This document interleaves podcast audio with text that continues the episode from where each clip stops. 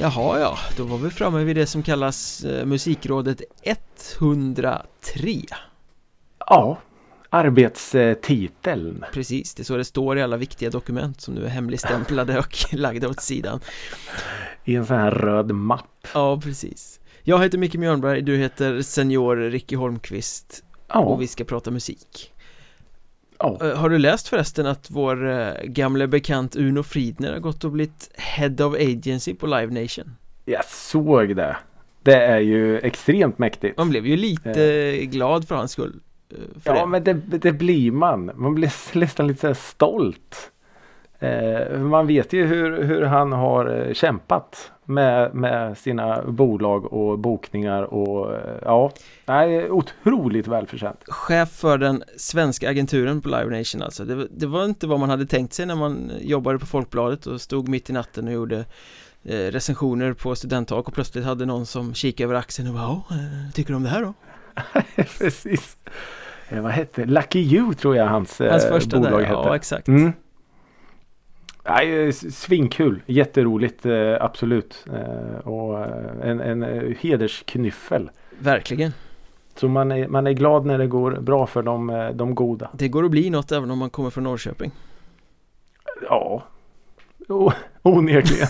Ursäkta om jag tampar på några ömma tår här Det är okej. men, men för att släta över den här fadäsen så är det väl lika bra att jag frågar Mm. direkt Ricky Holmqvist Vad har du lyssnat på den senaste veckan? Eller de senaste veckorna Som vi får säga men numera så blir det ju. Eh, om, om man då ska, ska eh, liksom mosa ner allting till eh, någonting som är värt att, att prata om så har det blivit lite så här eh, Lite brittiskt Mm. blev det som eh, blev kvar eh, efter de här veckorna. Eh, och som är värt att prata om. Det är nämligen så att Suede Mm, Eh, Suede som jag eh, lyfte som vinnare av eh, Britpopslaget. just det, det pratade vi om i något avsnitt för något år sedan eller sådär Ja precis. Av eh, alla de här eh, kombatanterna och det var Oasis och, och Blur och Pulp och allt vad de hette. Så utsåg jag Suede faktiskt som segrare för jag tyckte ändå att de stod för något mer musikaliskt än vad de andra gjorde. mm. Det fanns något mer än bara den här tuffa eh, ja, tuffa ytan egentligen. De var ju Eh. här i Stockholm och spelade för några veckor sedan Ja, jag såg det. Och jag själv har ju aldrig haft någon vidare relation till dem sådär Nej. Men det var flera av eh, varandra oberoende personer som var där som Mm. var precis lika lyriska Om hur Ja. det här var så fantastiskt och det gjorde hela Ja. våren och har fått sett Suede även om det var i, i sunkiga annexet och allting sådär Så då blev man så glad för deras skull, vad Ja. kul att ni fick gå och se det där Det var så jag att- kände när jag såg Tool, sa jag till någon Ja, det, ja men det, jag förstår det lite samma. Jag skulle precis säga att jag, jag har för mig att de spelar lite finare salonger nu. För de var väl typ och spelade på Dramaten eller något sånt för om det var innan pandemin kanske. Mhm. Men då var de på Annexet nu. Det var väl kul att de letar sig tillbaks till sådana såna spelställen också. mm. Eh, nej men de har i alla fall släppt en, st- en stingel, ja. En singel som heter She Still Leads Me On. Mm. Och det är swedigt men på något sätt lite eh, ny, något nytt. Det är lite, lite rockigare kanske än vad man eh, har förväntat sig av, av Suede. Men, men ändå med den här swediga nerven. Brett Andersons eh, sång, lite nasala sång. Ja, jag, jag gillar det. Jag faller som en, en, eh, en pint på puben. Men är det inte lite så ändå att de måste utvecklas på något sätt för att kunna vara relevanta med tanke på att Jo. åren går och Jo. det här lite, vad ska man säga, slyngliga som Mm, kanske mm. utmärkte Suede när de var som störst där. Det hade väl varit Ja, svårt men att precis. bära upp i nytt material idag. Ja, jo det, det håller jag ju definitivt med om. För jag minns ju när jag fick upp ögonen för Suede att man, de var ju otroligt dekadenta med Jag tror inte Brett Anderson hade en enda eh, skjortknapp knäppt där och den här luggen som hängde och man, man visste inte om man var kär eller man var rädd för en riktigt så. Han hade ett jäkla Eh. typiskt kroppsspråk också. Ja.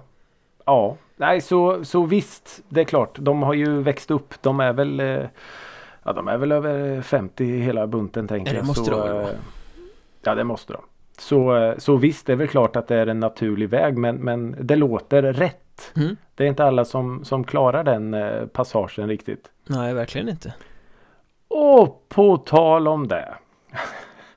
Så har vår vän Liam Gallagher släppt nytt. Mm. Jag vet inte. Är han fortfarande en artist eller är han någon slags myt bara? Eh, Låt höra domen. ja, alltså, ja nej, jag, jag älskar ju Liam eh, såklart och jag, jag önskar ju att jag kunde på något sätt skydda honom och försvara honom eh, så. Eh, ett enda ont ord om dig har alltid fått mig upp i ringen som Håkan sjöng. Men det blir svårare och svårare nu att försvara Liam.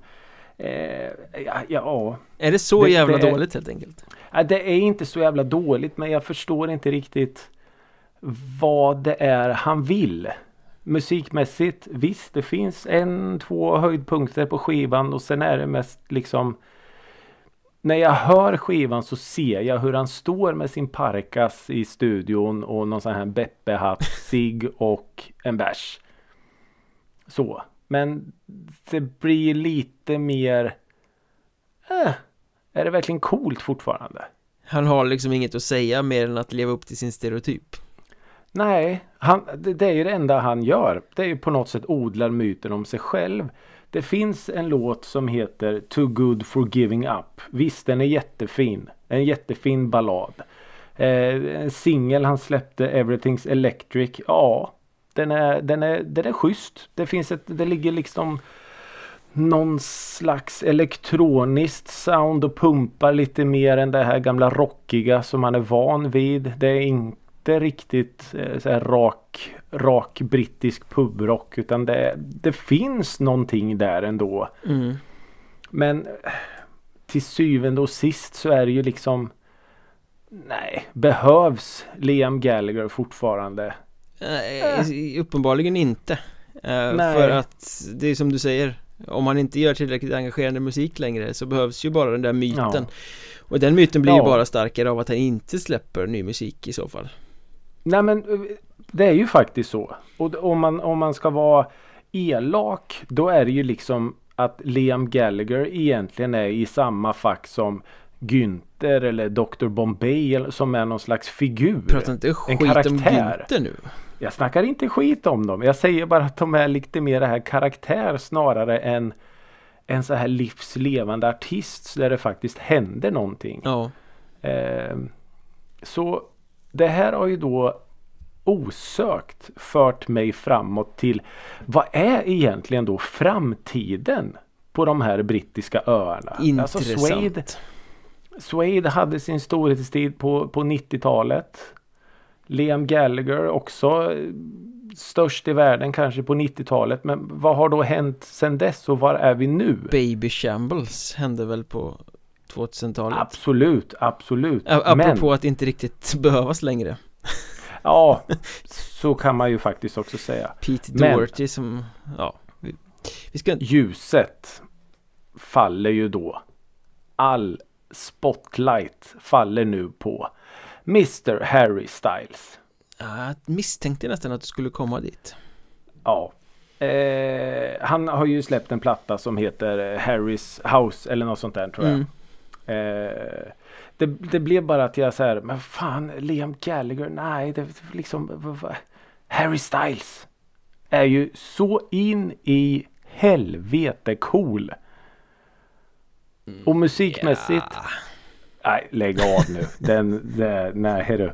Eh, och musikmässigt så är han ju helt rätt i tiden utan att vara så här Ed Sheeran tillrättalagd. Ja men absolut, det köper jag.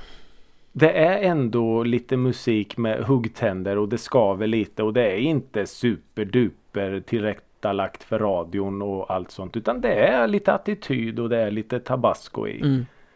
Eh, jag gillar det. Jag tycker det är skitbra. Eh, kanske framförallt den här singeln As It Was som är mm, löjligt snygg. Eh, superduper producerad utan att vara sådär fyrkantig och tråkig. Mm. Eh, och sen eh, en jättefin ballad som heter Little Freak. Eh, som är ett eh, kärleksbrev som är otroligt vackert. Så eh, ja visst, jag har lyssnat på föredettingar. Med kanske lite kvar att, att ge och sen så framtiden, Harry Styles. Det var en sammanfattning av de brittiska öarna i ett Ja, litet, litet men nötskal. Lite, lite så, lite så. Så det är vad jag har lyssnat på. Vad har då Micke Mjörnberg lyssnat på? Jag uppre, uppehåller mig nu tror jag runt en specifik platta faktiskt som jag har snurrat intressant. ganska mycket senaste veckan nu och eh, ja, men jag snurrade runt lite bland olika Ja men det började i lite social distortion och in lite i andra Oj, mm. rockpunk-grejer där och sen landade jag i, i ett hardcore-band som heter Blood for Blood Eller heter Okej. eller hette, jag tror inte de har släppt någon platta sedan 2004 faktiskt. Eh, Svenskar? Amerikaner eh, har Ja. återförenats på olika sätt och det har väl varit Mm. ganska många turer fram och tillbaka Jag har ingen aning om de existerar fortfarande eh, Efter senaste återföreningen då eh, Men de släppte en platta Ja. 2002 som heter Outlaw Anthems Oj, coolt. Och det här är ju liksom eh, Fuck you till allt och alla Det är så jävla mycket ilska att en sån här parental advisory det räcker inte till Oj, det sitter två sådana på. Ja, fem tror jag hade behövts Eh, Nej för det, det är ju ganska melodiskt men ändå ganska hårt alltså så Ja Mm. men det är så argt och så desperat så att man blir bara glad Ja, okej. När du säger hardcore menar du liksom eh, oh, Alltså snabbt eller Ja det är ju ganska, det är ju eller? så här alltså, som den amerikanska HCn liksom fast ändå Ja, kommersiell Så att den är Mm. ju Det är ju ganska snabbt men samtidigt är det ju Väldigt mycket melodi Och det är framförallt det är attityd det handlar om Ja just det. Det var framförallt en hit som heter White Trash Anthem som är Mm. Ja, riktigt så, han skriker någonstans i slutet If you're offended by this song Well I'm fucking offended by the way I had to grow up So who's really been slighted eh, Oj. Liksom den nivån är det Okej. I never had enough money or enough privilege to be white I'm white trash Oj. And society oj, oj. better learn how to recognize the difference Liksom så här, Den typen Mm. eh, Många hardcoreband har ju oftast haft så politiska eh, åsikter och grejer Här Mm. handlar det ju mer om liksom eh, Ja Alkohol och heroinmissbruk och, och, hat Okej. Hat mot allt Mm. och alla Hat. Det är ett argt land det där. Ja kan man ju förstå Ja, ja herregud eh, Och det här verkar ju vara liksom Det har varit tunga missbrukare i bandet och, och sångaren blev utkastad för att ha antastat någon eh, 13-åring på en barbecue eh, Och så tog de in någon annan kanske var hans kusin. Så, ja, man vet inte Ja. Nej men eh, de liksom sjunger väl om sin white trash-värld som de kommer ifrån helt enkelt Eh, va- Var de liksom stora i genren eller? Ja då, Jag jo då, de var ganska stora i, genren då Okej. När det begav sig i alla fall Mm. Men det, det är ju bra musik liksom Ja. Blood for blood Blood for blood. Blood for blood. Sen måste vi ju eh, tillbaka i det här Rest in Peace-träsket igen Ja, eh, tyvärr. Måste ju varit hälften av alla avsnitt vi har gjort har vi haft någon som har gått bort så vi måste göra en runa över eh, Ja. Men den här var ja, lite oväntad ändå Ja, det var det ju. Andrew Fletcher Fletch kallad från Depeche Mode Ja. Sex- 60 Mm. år gammal Mm. Ehm, Jag vet inte vad som var dödsorsak men eh, Nej. 60 år är ju för ungt Ja, herregud ja. Det, det är ju det, det är ju när man, när man ser hur, hur unga de, de är de här som, som eh, faller av av eh, olika orsaker. mm. Så eh, ja den, den och det var ju typ samma dag men det kanske inte är i rätt forum här med Ray Liotta också. Det Just var samma, det. samma kväll tror jag. Mm. Den var ju också jobbig. Men ja alltså Depeche Mode har alltid varit lite speciella för mig faktiskt. Jag tänkte precis fråga dig, vad har du för relation till bandet? Jag har en ganska stark relation till, till DM. Eh, med tanke på att jag ganska tidigt i min eh, ungdom insåg att jag faktiskt inte är en rocksnubbe. som mina, mina, de flesta av alla mina vänner var då. Eh, utan jag gillade helt enkelt eh, alltså elektronisk musik och eh, som säkert otroligt många andra så var Depeche en, en inkörsport till Hade det. du varit född några år tidigare så hade du stått i, i syntarfållan i den här klassikern Kriget mellan hårdrock och syntpop. Ja, ja det, det hade jag ju garanterat varit men, men jag, jag minns ju, jag är ju ändå så pass, så, så pass gammal att jag minns det här liksom syntare mot hårdrockare och då var jag då tog jag hårdrockarnas parti för de var ju så jävla mycket coolare såklart med skinnjackor och eh, jeansjackor med tuffa märken på medans eh, syntarna bara var konstiga. Men, men innerst inne var jag nog en syntare tror jag. Ja. Min re relation till Depeche är väl framförallt att de fick Arvika-festivalen att gå omkull. Ja, precis. Den där storyn Ja. om hur de startade festivalen på grund av Depeche och drömbokningen var alltid att ha Depeche och sen Ja. fick de dem och då kostade det så mycket så att hela skiten brak åt helvete sen och festivalen lades Ja. ner. Ja, de hann aldrig ens spela antar jag? Eller? Jo då, det var ju efter Ja, de att de hade spelat. Alltså, Ja, okej, jag tror det, det höll igång ett år till eller någonting och sen gick det inte längre. Ja, ja, okej. Det, det kostade så smakade som man brukar säga. Ja, så är det ju. Nej, jag såg Dave Gahn på, eh, han gjorde ju någon sån här solo, eh, solo-grej. Han var i Hultsfred med den. Ja, då spelade han på Hultsfred ja, och då körde han lite Depeche-låtar. Så det är väl det närmsta jag eh, kommer att ha sett Depeche live. Eh, så, men Det här, eh, är- det, det, otroligt så här. Nu jag inte ska säga att jag hoppar över halva Depeche-spelningen Gick dit efter halva För de skulle ändå spela så Ja. jävla länge ja, precis. Nej, men man, man, man har ju förstått för man, eh, alltså Depeche Mode är ju tre medlemmar.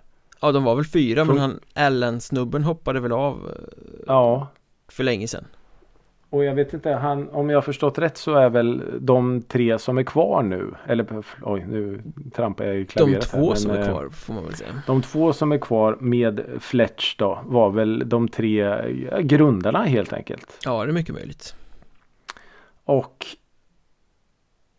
eh, vad heter de? Dave Gahn och Martin Gore som är ju eh, hjärnorna och stjärnorna. Var väl inte helt såta vänner. Nej det verkar väl vara så att Dave eh, som är sångaren och Martin Gore som är eh, låtskrivaren eller huvudlåtskrivaren Ja. Eh, De har Ett geni har jag förstått. stora viljor och sådär fast inte på samma Mm. sätt Så de har väl inte funkat Nej. särskilt bra ihop alls Nej.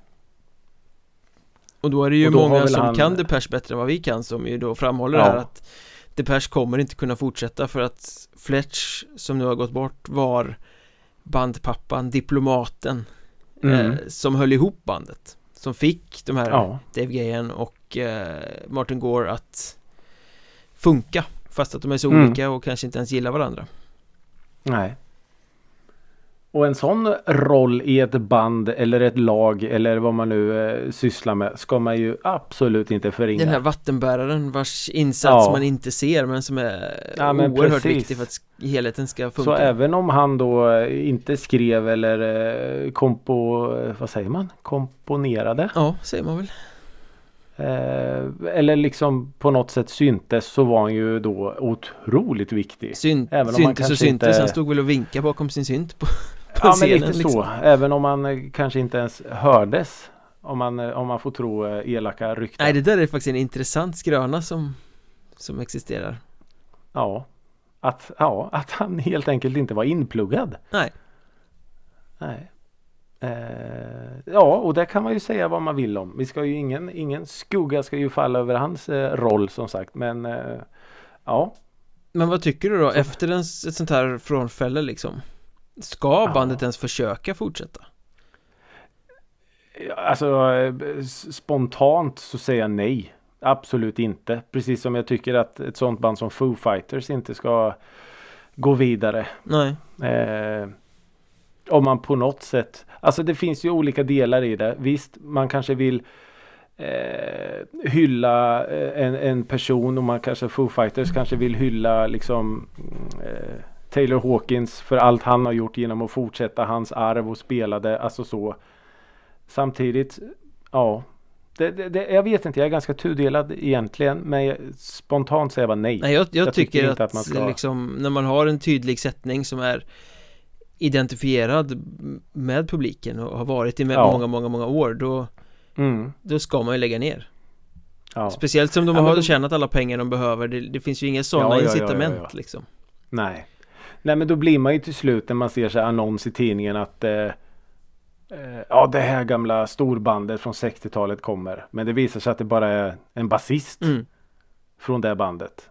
Och sen är det fem nya medlemmar. Som är 35 år yngre Ja exakt. Så eh, ja nej. Det, jag, jag respekterar liksom det som har varit och jag tror inte att, att någon egentligen vinner på det. Jag tror inte ens fansen om de ska vara helt ärliga vinner på det. Nej, Eh, lite som att se Dave Garn på Hultsfred köra Enjoy the Silence. Nej, det är inte riktigt samma. nej det är klart att det inte är Så, eh, Så ja, det här The show must go on är ju eh, skitsnack egentligen eh, egentligen Jag tycker ja. att det är, När någon dör då tycker jag det är ganska självklart Då lägger man ner men Tycker också det kan vara så ibland att när någon hoppar av Någon bärande medlem liksom Ja, Om det är någon som har varit Huvudlåtskrivare eller eh, Mm. sådär liksom Eller Mm. sångare eller vad Starta Ja. något annat ja om, men lite om du vill så. fortsätta musicera liksom Behöver inte Ja. bara stoppa in en ersättare och köra För ersättaren kommer ändå aldrig bli accepterad fullt ut Nej, så är det ju definitivt. Och det är där jag känner lite för den här Queen-grejen som kuskar land och rike eh, världen över nu. Med Adam Lambert på sång och är fantastisk sångare. Men alltså... Äh, jag vet inte. Nej, Det är det... Nej. Ja visst, hylla Freddie Mercury och det han har gjort och allt. Ja, de kanske vinner några nya fans och tjänar lite nya dollars men... Nej. Jag vet inte. Men där har vi en ganska bra brygga in i nästa ämne för Rolling Stones gör ju det Charlie Watts Föll ifrån Ja just det. Just det. Det stämmer. men, Och gubbarna är 178 000 år gamla ja. Men de är ute och turnerar ändå Jajamensan. Och där kändes det De väl kuskar Där kändes det väl också så liksom, vad fan Trummisen som folkkär liksom går och dör Ja. Låt det vara nu ja. Men icke Och varför ska vi då prata Nej. om Rolling Stones? Jo, de Jo, har ju fått ett För det förband här är ju Det här är ju den stora, nej då. Men eh, ja, de annonserade ju eh, förra veckan tror jag va? Att en eh, liten, en liten eh, spjuver ska värma upp publiken. Tåström-podden tänkte ta, prata om Tåström eh, Ja. Nej men Alltså Tåström som förband till eh, Rolling Stones, är det inte jättekonstigt? Jättekonstigt. Eh, jag har på något sätt försökt att förstå varför de tar in en sån som Joakim Tåström till att värma upp publiken. Och kan inte komma på någonting annat än att det är för att sälja biljetter. Han är i ropet nu, han har haft en väldigt hyllad turné som precis har tagit slut, många pratar om Tåström Han är en specifik, väldigt speciell liveartist och då kastar man in honom, det är så du tänker? Att eh, Ja, och rätt målgrupp. Eh, dinosaurierna Dinosaurierna. Eh, mellancheferna. Ja, Eh, nej men det, det känns lite som det. Och ja, alltså. Det, det är ju å ena sidan en jättekonstig bokning om vi ska bara se det rent musikaliskt. För att musikaliskt så står ju Rolling Stones och Joakim Tåström jättelångt ifrån varandra. Rolling Stones 2022 är ju ett eh, gäng kringresande gycklare i Ja. jämförelse Ja, ja. Ja, herregud. En cirkus som kommer till stan Inte alls Ja. de här farliga rockslynglarna som de var när de var unga Nej. Och jag menar eh, Rolling Stones för mig har alltid stått för något eh, bluesigt, lite nästan lite svart musik. Så tidiga liksom, tidiga Stones. Ja, Medan Thåström har varit lite mer Alltså Ja vad ska man säga Dylan eh, Inspirerad folkrock Den gamle punkaren ska stå där och sjunga för front row som har betalt 2000 spänn för sina ståplatsbiljetter. Ja. ja. Nej men det, det är ju och, och, samtidigt då om man ska se ur eh, Joakim Tåströms perspektiv spela för ett fullsatt eh, Friends. Kanske fullsatt Friends och inte behöva göra mycket mer än att bara dyka upp. Nej. Och han har väl eh, lyssnat mycket på Stones antar jag. Det finns väl någon koppling i det. Ja. Men vad, tidigare så var Hellacopters va? Har varit förband? Ja jag såg Stones, Stones, på Friends Kan det ha varit 2017 eller något? 2018? Där någonstans. Mm. Då var Hellacopters mm. Eh, förband. Eh, okay. Det känns ju ändå lite mer i linje med musiken. Ja men någonstans lite mer rock'n'roll eh, rock'n'roll it. Även om det var en rätt dålig spelning. Eh, de spelade bara Från Copters? Ja i stort sett bara skränig repertoar från sina tidiga plattor. Dregen okay. var väl precis tillbaka i bandet så det hade väl med det att göra. Gissar ja, okay, och, och ja. det var liksom så här dåligt soundcheckat eftersom allt var riggat för Rolling Stones så det blev bara ett enda stort ja, slammer av det så det var inte sådär så att man Fick en kick av att jävlar vilket bra förband det var Nej, just det.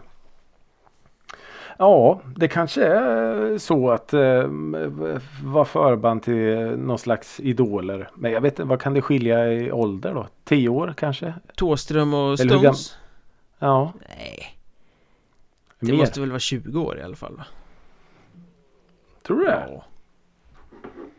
Jag gör en, en, snabb sökning här nu. Tåström fyller ju 65. Eh... Ja precis, han är väl pensionsålder precis. Ja. Och Stones är över 80. Ja, det. Mick Jagger fyllde alltså 26 juli fyller han år. Så nu är han då alltså 78. Och Keith Richards. Han är 13 år alltså. Keith Richards. Nu ska vi se. Han är då född. Han är också född 43. Så båda de två är 78.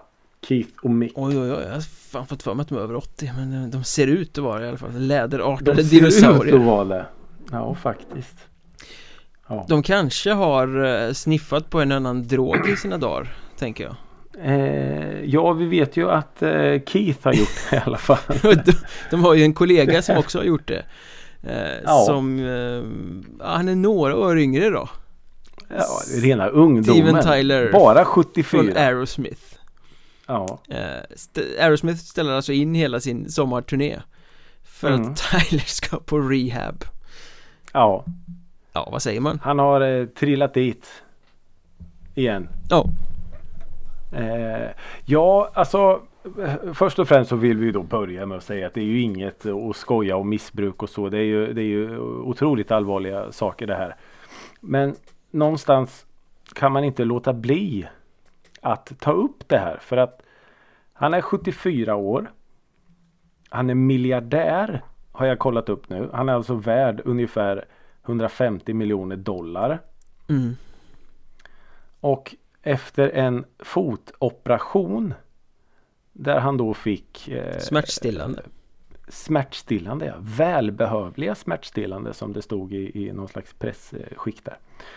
Eh, så har han då eh, blivit återigen blivit någon slags eh, fått någon slags beroende av de här eh, tabletterna. Och lagt in sig själv på rehab. Är inte det ironiska i det att han har gjort fotoperationen för att kunna stå på scen och göra shower ja. över sommaren? Ja, jo, men det, och så blir han... Det, det känns, eh, det, ja, jag vet inte, det känns så, så konstigt bara allting liksom. Att, att vara mång, mång, mång, mång, mång miljonär och rockstjärna och allting och på något sätt, ja, jag vet inte. Det är inte så att han sitter och, och skjuter skitigt heroin i något gränd någonstans. Ja men så kan det väl han, mycket väl ha varit Att han liksom ja, ramlade dit varit. på den där jävla smärtstillande igen och sen bara ut och måste ha fixar Och då tar man vad som kommer för en Jo men det fanns väl en tid alltså Aerosmith har ju hållit på sedan 70-tal typ och det fanns väl en tid när han, han fick sparken från bandet för att han eh, Draggi draggade han, lite för mycket Ja, han var så jävla långt ner under isen och mm, knappt kom ihåg sitt 70-tal. Mm. Den här fantastiska Dream On till exempel. Det är ju inte han som är med och sjunger. Nej, just det.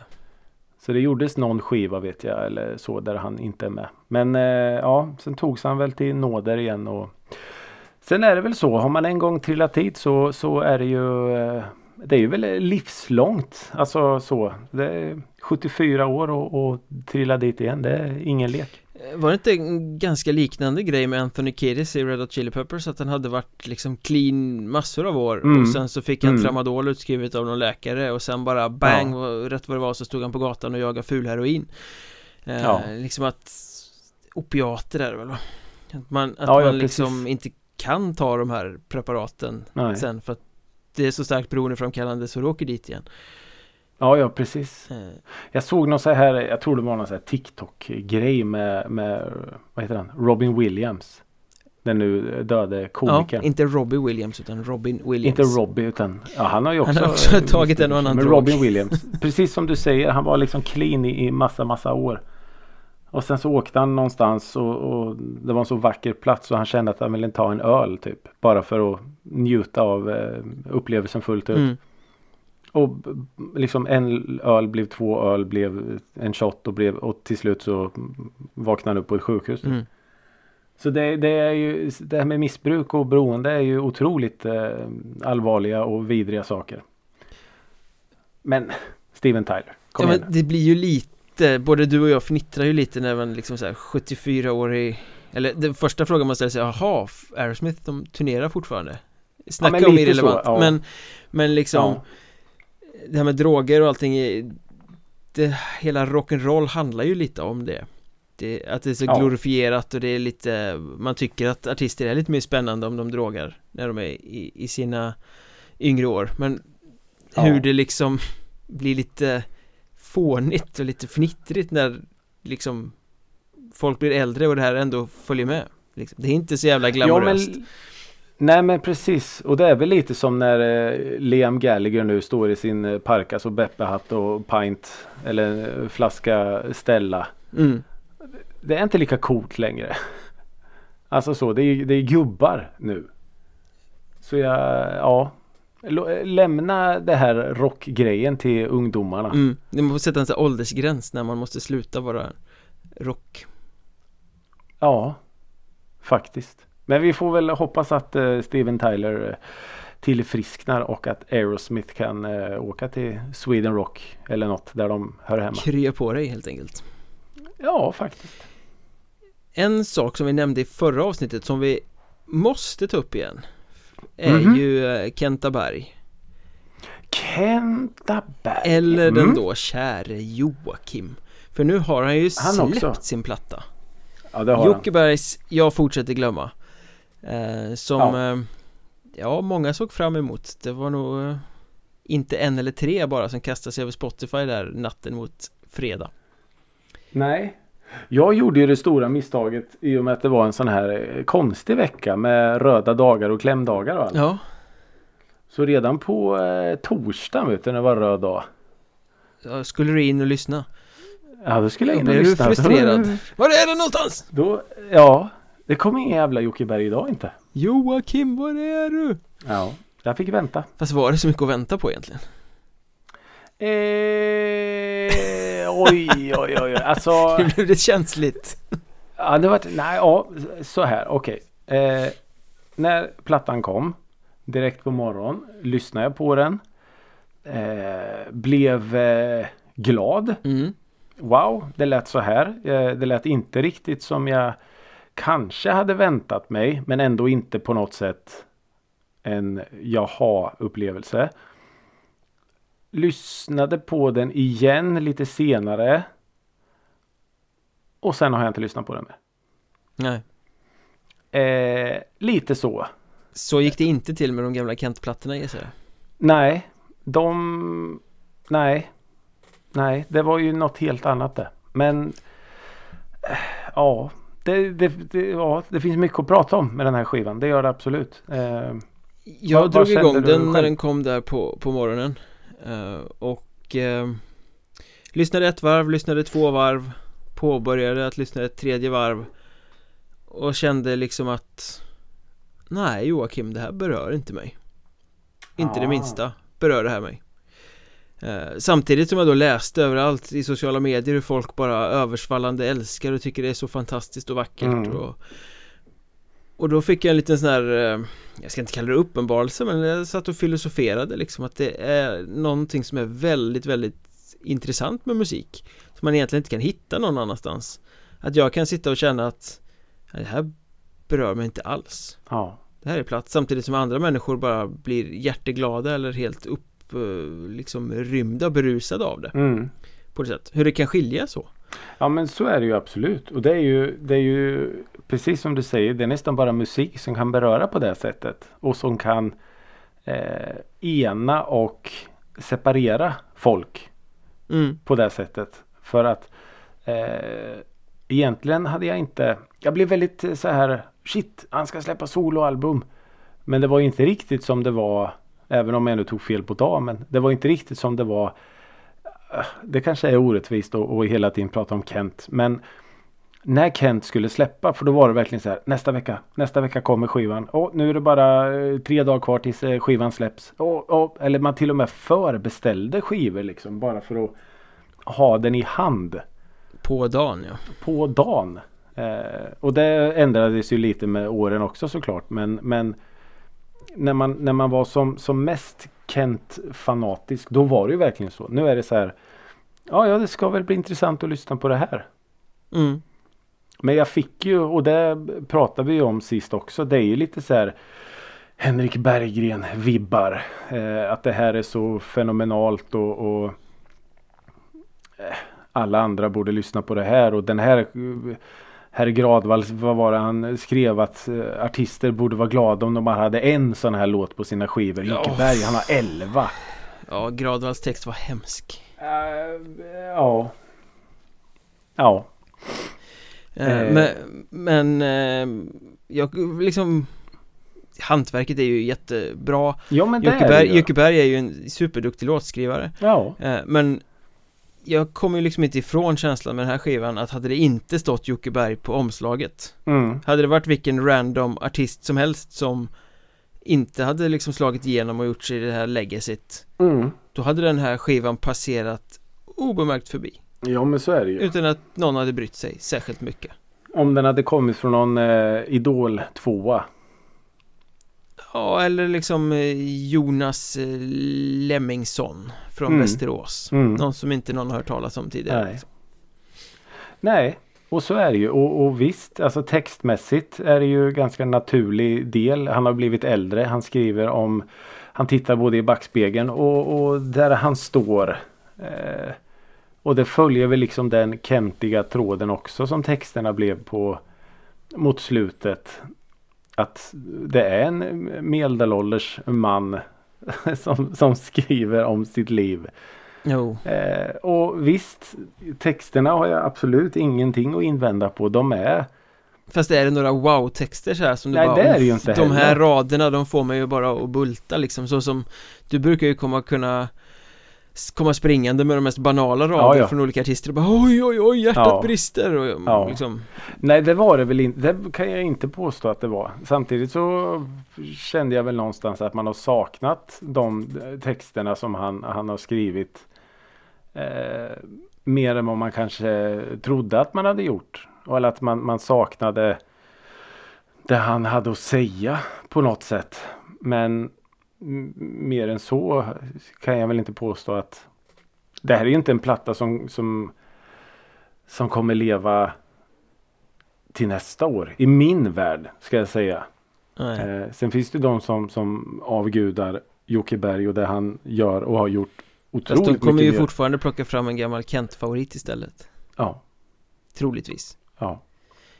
Det här låter ju Kent eftersom det är han som sjunger och eftersom Mm. det är på svenska men musikaliskt låter det ju inte Kent eftersom Nej. det är mycket mer minimalistiskt Ja, ja precis. Och det ska han ändå ha. Att han på något sätt har tagit ett kliv i en annan riktning. Musikmässigt. Eh, men precis som du säger att det är, så fort han, han öppnar munnen och börjar sjunga så är det ju omöjligt att inte dras åt det hållet vad det låter som. Men sen mot slutet kom det ju en fartig liten bra bit Mm. Tänkte jag Eh, men då, då, var skivan slut och så hade, hade Ja. den hoppat vidare till soundtracket från bilar Ja, den låten ja. Den kom Den är också ganska fin. Men Den det var finns... fan bättre än hela den här plattan Alltså har du jag. någon låt sådär som du känner är... Som, som står ut lite eller som... Nej, nej, inte något Jag, Jag fast, jag fastnade ju- ingenstans Eh, Ingenmansland eh, gillade jag väldigt, väldigt Mm. mycket. Och eh, Låtsasvärlden tyckte jag Mm. var, var fin. Eh, de, de har jag lyssnat på eh, mer. Jag tyckte det var ganska mycket samma lika Mm. Ja, jag, jag, alltså, grejen är jag, jag hör dig precis och jag tänker inte säga emot. Faktiskt. Eh, det, det, jag ska inte säga att jag blev besviken. För att jag inte hade byggt så stora förväntningar. Men det blev kanske bara en så här. Jaha. Världen Okej. behövde inte en Jockeberg soloplatta Nej, men jag tror, jag tror det var Håkan Sten som skrev det. Jag tror han behövde göra den.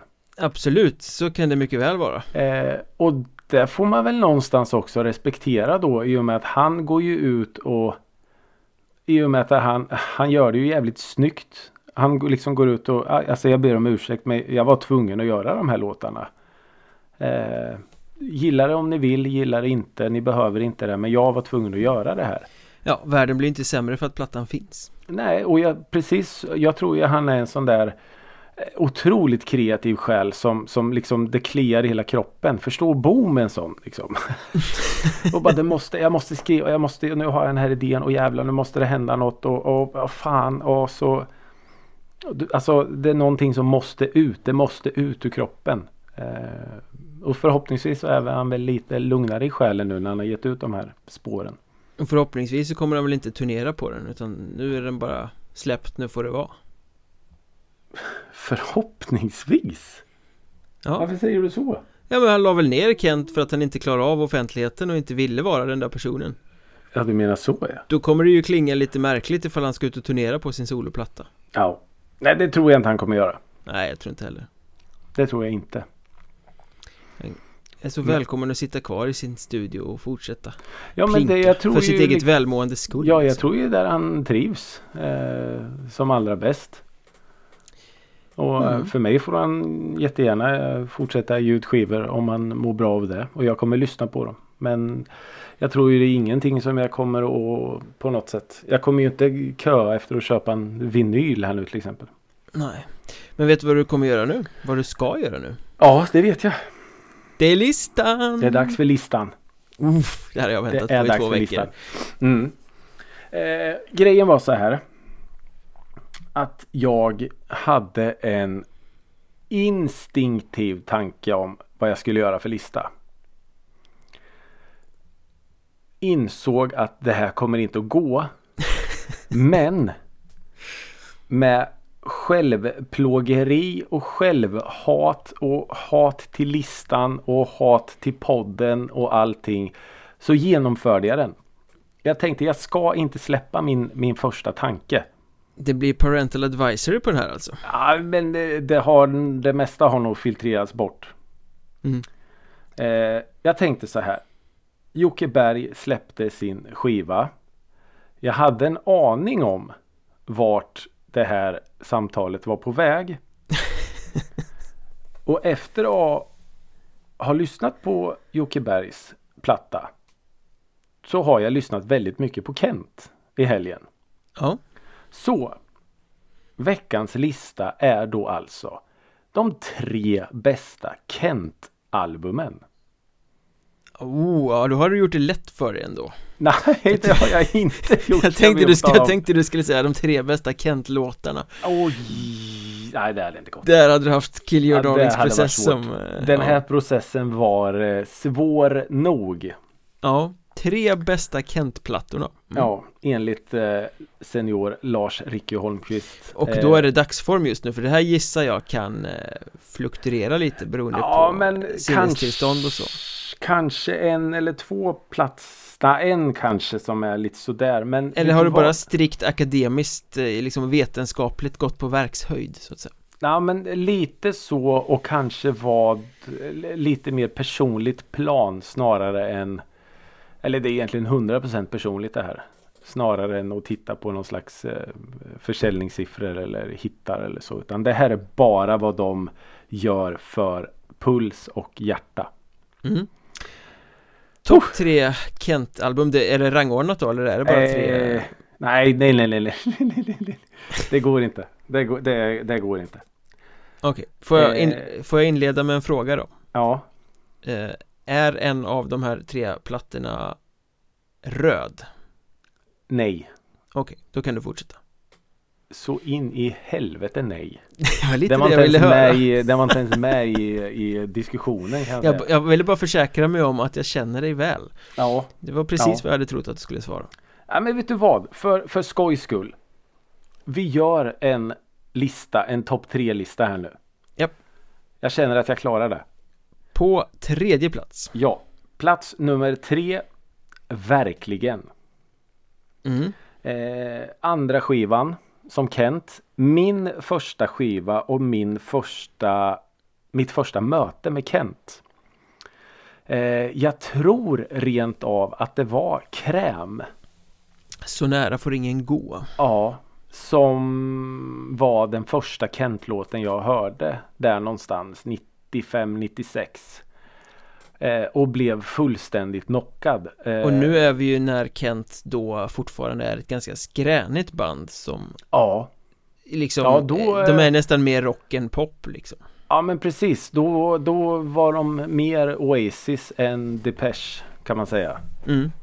Eh, det var väldigt bombastiska, skräniga refränger, lugna verser och så Jocke Bergs eh, metaforiska texter över allting. Som man egentligen, ja, som man egentligen inte fattade men som var så här häftigt konstigt någonstans. Eh, och Kräm då var ju ja, knockade mig fullständigt. Men, men äh, även på den plattan då har vi ju gravitation, vi har indianer, vi har tinner och så den fantastiska avslutande Vi kan väl vänta tills imorgon. Äh, ja, otrolig platta. Mm. Äh, som, som än idag kan jag kan spela från början till slut för att den är så det, det finns inte en dålig låt. Eh, soundet kanske inte är superdaterat men, men textmässigt och ljudmässigt låter den, ja. Jag, mm. jag kan fortfarande få den här pulshöjande när jag hör den skivan. Coolt. Eh, plats nummer två. Du och jag döden. Mm. Mm. Den är fin, den är lite turkos med den här skelettgubben på Jättekonstigt omslag Jag skrev ja. om den på det här omslagsonsdag på Drevet Att det Just är ett av de fulaste skivomslagen någonsin Det ser ut som någon har lekt med en sån här gammal, gammal PC Någon sån här eh, ritprogram typ ja, Jättekonstigt eh, omslag men eh, Om man ser bortom det så, så döljer sig ju ja, några av Kents absolut starkaste låtar. Och den börjar ju då med det här fantastiska mullrande dundrande basgången i 400 slag. Det är ju så den börjar liksom. Det är ja, så den låten är ju monumentalt ja. bra. Och sätta den som öppning då sätter ju liksom standarden för hela resterande skiva. Eh, och den är ju väldigt, väldigt mörk den skivan. Eh, men återigen Jocke Bergs texter är ju Ja, de är ju magiska. Eh, och kanske mina, mina höjdpunkter från den är väl då eh, ja, framförallt då 400 slag öppningen. Klåparen är också en sån här mm. otroligt vacker låt. Eh, som för tankarna till någon slags eh, mellanstadiedisco i, i eh, någon, någon eh, skolmatsal. Och, ja, alla redan har en dans och man går ensam hem och ja men så. Det är ju, det är ju så um, ungdomligt sorgsligt så det finns inte. Och framförallt då kanske med den monumentala Mannen i vita hatten som, som avslutningsnummer. Eh, ja, otrolig skiva. Någonstans i, i gränslandet mellan eh, The Cure och eh, Depeche där. Ja, under deras syntår. Ja, Innan de, de, de släppte fram syntarna fullt ut. De var fortfarande väldigt eh, goth. det, var ju, det är ju faktiskt intressant med Kent att de har haft sådana tydliga perioder Ja. I sitt sound så att säga Ja. Och jag, jag kan inte komma på något annat band i, i Sverige som, som har varit så stora och ändå ömsat så mycket skinn. Nej Eh, vilket är jäkligt coolt och utan att på något sätt tumma på själva hantverket. Alltså det är ju lätt att bli så här, ja ah, vi ska bli lite mer Depeche nu. Att det blir lite så här, ja, lite karikatyr av det hela. mm, Men de har absolut. ändå gjort det fullt ut och gjort det till, ja, okej nu är vi Sveriges största band i, i synt eh, eller elektrogenren. Nu är vi Sveriges största pop och rockband. Alltså så, de, de, de har ju verkligen inte tummat på någonting. Fast de har utvecklats otroligt mycket. mm. Ja, då var vi framme vid första platsen. Första Den alltså Kanske. bästa Kent-plattan Den bästa Kent-plattan i hela världen. Jag fortsätter glömma Det är Joakim Berg.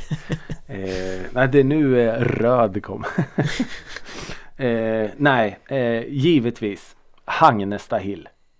Okej, ja Eh, ingen annan skiva från någon annan artist tror jag i min värld kan släppa en sån skiva där de åtta första låtarna, alltså åtta första är så otroligt starka att de har singel, det är liksom åtta singlar. Det är de åtta första låtarna på skivan. Det är, Intressant att du tycker så för jag, Ja. nu är inte jag någon Kent-expert nej, eh, Och jag har, ska jag i ärlighetens namn säga, svårt att hålla isär skivor Vilka Mm. låtar som var på vilka skivor och sådär Men jag tror ju att min känsla av Agnesta Hill inte alls är sån Utan att den är svinstark i början och sen bara går utför Som att den liksom är en ah. Först åker man liften upp och sen åker man skidbacken ner Ja, okej, okej. Och Alltså- den utförslöpan börjar tidigare än spår 8 Oj. Men om vi säger så här då. Vi börjar med Kungen är död. Det börjar lite lugnt. Ja men det är ju en eh, fin melodi En fin låt. Och sen så sparkar vi igång festen med Revolt nummer tre. mm. Eh, därefter har vi Musik nonstop. En disco-dänga som hade gjort eh, Scissor Sisters. Avundsjuka. Plats fyra på skivan har vi Kevlarsjäl. Den är ju riktigt jäkla bra Extremt bra. Eh, ett tidsfördriv att dö för. Löjligt bra. mm. Eh, sen kanske, ja, just idag i alla fall. Och ganska ofta i min värld. Den bästa Kent-låten någonsin. Stoppa mig juni, Lilla Ego. Nej, den har jag lite svårt för faktiskt Ah, fy helvete vilken låtjävel. Eh, plats sju, En himmelsk drog. mm. Och sen eposet Stanna hos mig. Där har vi de åtta första låtarna på plattan. Stanna Av- hos mig, det ringer inte någon klocka alls Åh, ah, fy fan. Den har gått Ja. mig helt över huvudet Ja, den är, ja. Så en, en så stark, alltså jag vet inte ens om man ska kalla det öppning på skiva men, men Alltså öppning för mig är liksom, ja de, de tre första låtarna, det har ju vi också pratat om att vi, det är ju ett ämne. Ja, Tre som vi måste ta upp någon gång, det ja, som- precis ja. Men här är de åtta eh, potentiella singlar. Ja, det, är, det, är, det är så mäktigt, jag kan inte komma på någon annan skiva Kanske ens i världen som har en så stark eh, öppning. Det Ja, skulle är väl vara In Flames mäktigt. Clayman då Ja, det ska väl vara den då. Nej, så eh, ja, det var eh, efter mycket om och men och eh, ja, nej, ja, kanske. Så är det de här tre som står som Kents bästa plattor. Ja, underbar Inte lista helt okontroversiellt, det vet jag också, men mm, Nej, det finns det en risk att du kommer få en smäll på fingrarna mm. Och den tar jag gladeligen. Men, Men, nu ska vi se, eh, om jag tänker efter nu, det är ju eh, Det är rätt länge sedan, det, Du och jag döden är den nyaste av de tre som du tar upp här Eh, ja, det är Och den är typ 2008? You and me death. Eh, vi gör så här. Vi, eh, vi, så att vi har eh, på vår sida här. Eh, du och jag döden 2005 enligt Spotify. 2005 till och med, ja. Mm. Det är 17 år sedan. Eh, Hagnesta Hill 99 och verkligen 96. Mm. Men det här stärker ju då bara tesen att de bästa plattorna kommer ganska tidigt i karriären. Mm. Ja, och jag tyckte väl egentligen inte att det kanske... Visst, det fanns ju eh, otroligt starka låtar eh, efter Du och jag döden. Men, men som helheter på platta tyckte jag nog kanske inte att de blev större än så. Det fanns otroligt starka låtar på eh, Tillbaka till samtiden och En plats i solen och, och Jag är inte rädd för mörkret så. Men, men som plattor tyckte Nej, jag jag- nog inte att eh, Ja. Jag hör dig, jag förstår Ja. dig. Ja, men som sagt det är ju inte helt eh, okontroversiellt det här men eh, jag står för det. Och skulle det vilja vara så att ni nu vill eh, få Ricky Holmqvist att löpa gatlopp för den här rankingen så, Så är vet hans ni. adress. Ni kan skriva till oss i sociala medier på att musikrådet till exempel på Mm. Twitter, Facebook, Instagram, TikTok och så vidare. Mm. Eller skicka ett argt mail. Mm. Hörru du, så där var det inte Mm. alls. Nej, jag ska berätta för dig. Och vi eh, lyssnar ju och läser såklart. Vi lyssnar och läser alltid. Mm. Ja men det gör vi. Det gör vi. Eh, nej men som sagt. Eh, säg, säg vad du tycker. Det är helt okej. Vi, är- vi, är- Det är helt okej. det är helt okej. Vi, är- vi är öppna. Vi tar emot eh, ris och ros med öppna armar. Och Såklart. sen exkluderar vi er om ni tycker fel. Mm. Om du inte är en sån där jävla Mats. Nej, precis. Det- Mats ombe, om, vad säger man? Göre sig icke besvär. Ombesörjes? Nej. Nej, ja, kan man nog säga. Om, ombeds. Eh, nej men som sagt, hörni, hör av er. Det är jättekul. Har ni eh, tips på saker vi ska prata om? Har ni tips på egna listor? Eh, tips på låtar? Vad som helst. Eh, skriv till oss. Skicka, skicka in så, så tar vi det i beaktande. Som det så fint heter. Eh, fortsätt sprid den här musikrådet gospeln. Utan er är vi ju faktiskt inte så mycket. Inte något faktiskt. Nej, det, visst det är jättekul att prata men det är kul när någon som lyssnar också. Eh, och eh, tills nästa gång, ha det så bra. Vi hörs. Hej!